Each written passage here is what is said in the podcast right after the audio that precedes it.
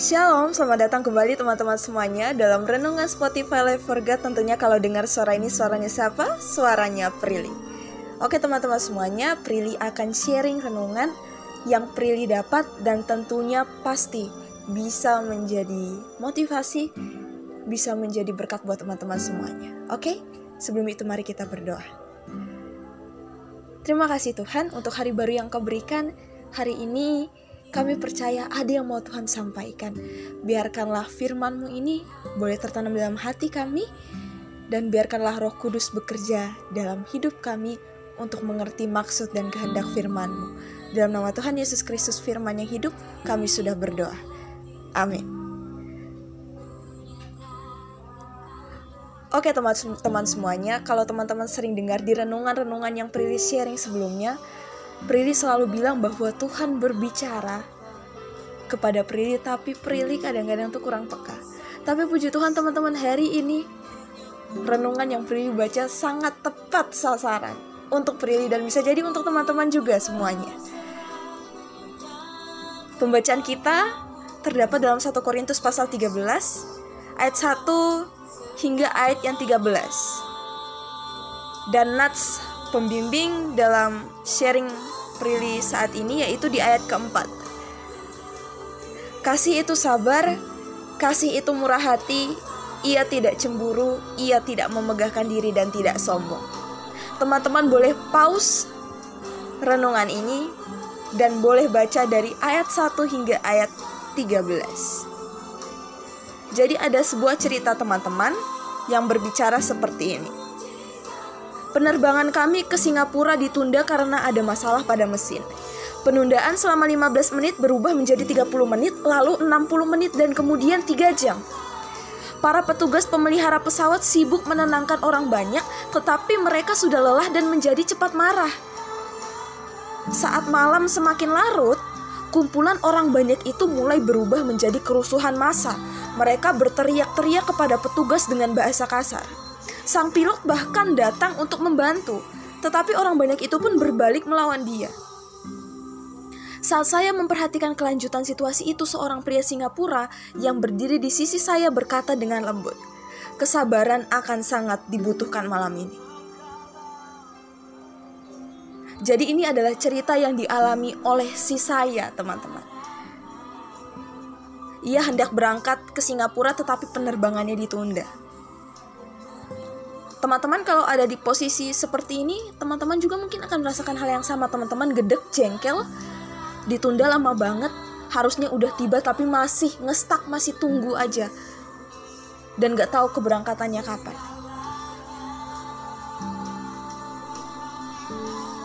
Hal ini sama seperti hidup kita, teman-teman. Hidup dapat membuat kita frustasi, bahkan membangkitkan amarah. Namun demikian, kerap kali ketidaksabaran hanyalah cerminan dari keegoisan kita dalam menanggapi kekecewaan hidup.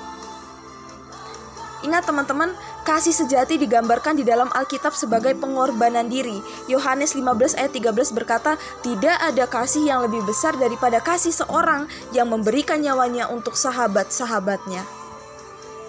Dan salah satu cara menunjukkan kasih itu adalah kesabaran terhadap orang lain.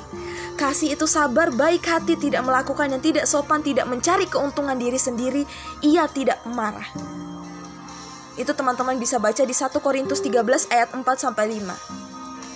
Kasih mengesampingkan keinginan pribadi kita dan berusaha meneladani Kristus. Iman, pengharapan, dan kasih. Teman-teman tahu kan yang paling besar di antaranya apa? Kasih. Apakah mengasihi itu terdengar mustahil? Iya, jika kita mengandalkan kekuatan kita sendiri.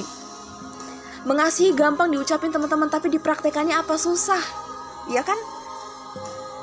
Namun kalau kita berdoa minta pertolongan Tuhan, Tuhan akan beri kita kesabaran untuk mencerminkan kasihnya bahkan di tengah keadaan yang menjengkelkan, di tengah keadaan yang membuat kita frustasi, membuat kita. Ya teman-teman. Bila hatimu bila hatimu kesal, cemas, mencekam, teman-teman mungkin mengeluh, mengomel dan marah. Atau mungkin batinmu uh, tidak tenang. Ya teman-teman.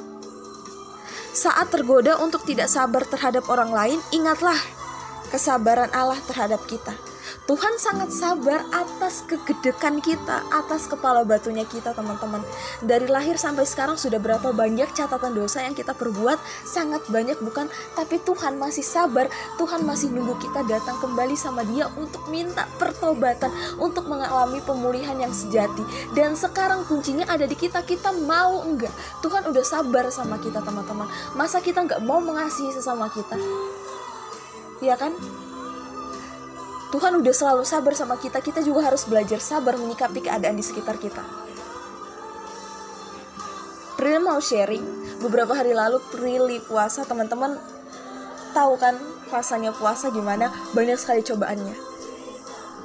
Ketika kita minta dikasih kesabaran sama Tuhan, Tuhan akan kirim orang-orang yang buat kita nggak sabar. Ya teman-teman, itu kata-katanya Daniel Mananta di podcastnya dan Prilly ngerasa itu ya dan amin. Ya dan benar sangat benar.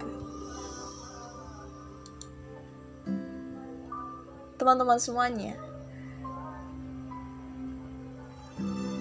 kenapa tadi di awal Prilly bilang renungan ini sangat tepat sasaran?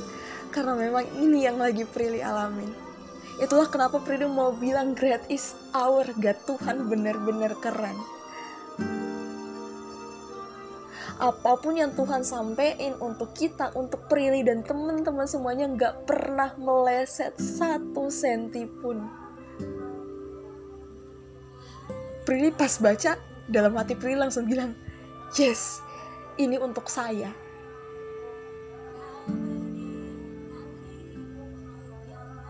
Prilly sedang mengalami struggle di mana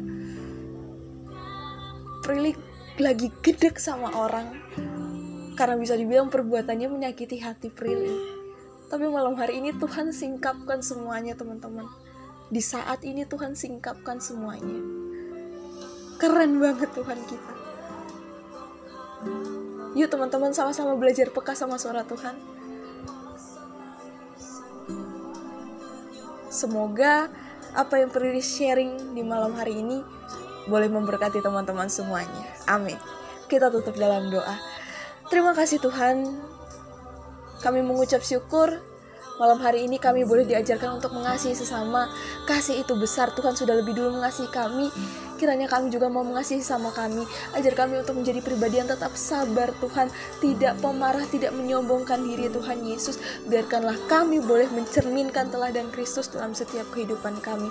Ampunkanlah seluruh salah dan dosa kami, kehidupan kami, kami serahkan ke dalam tanganmu. Haleluya. Amin.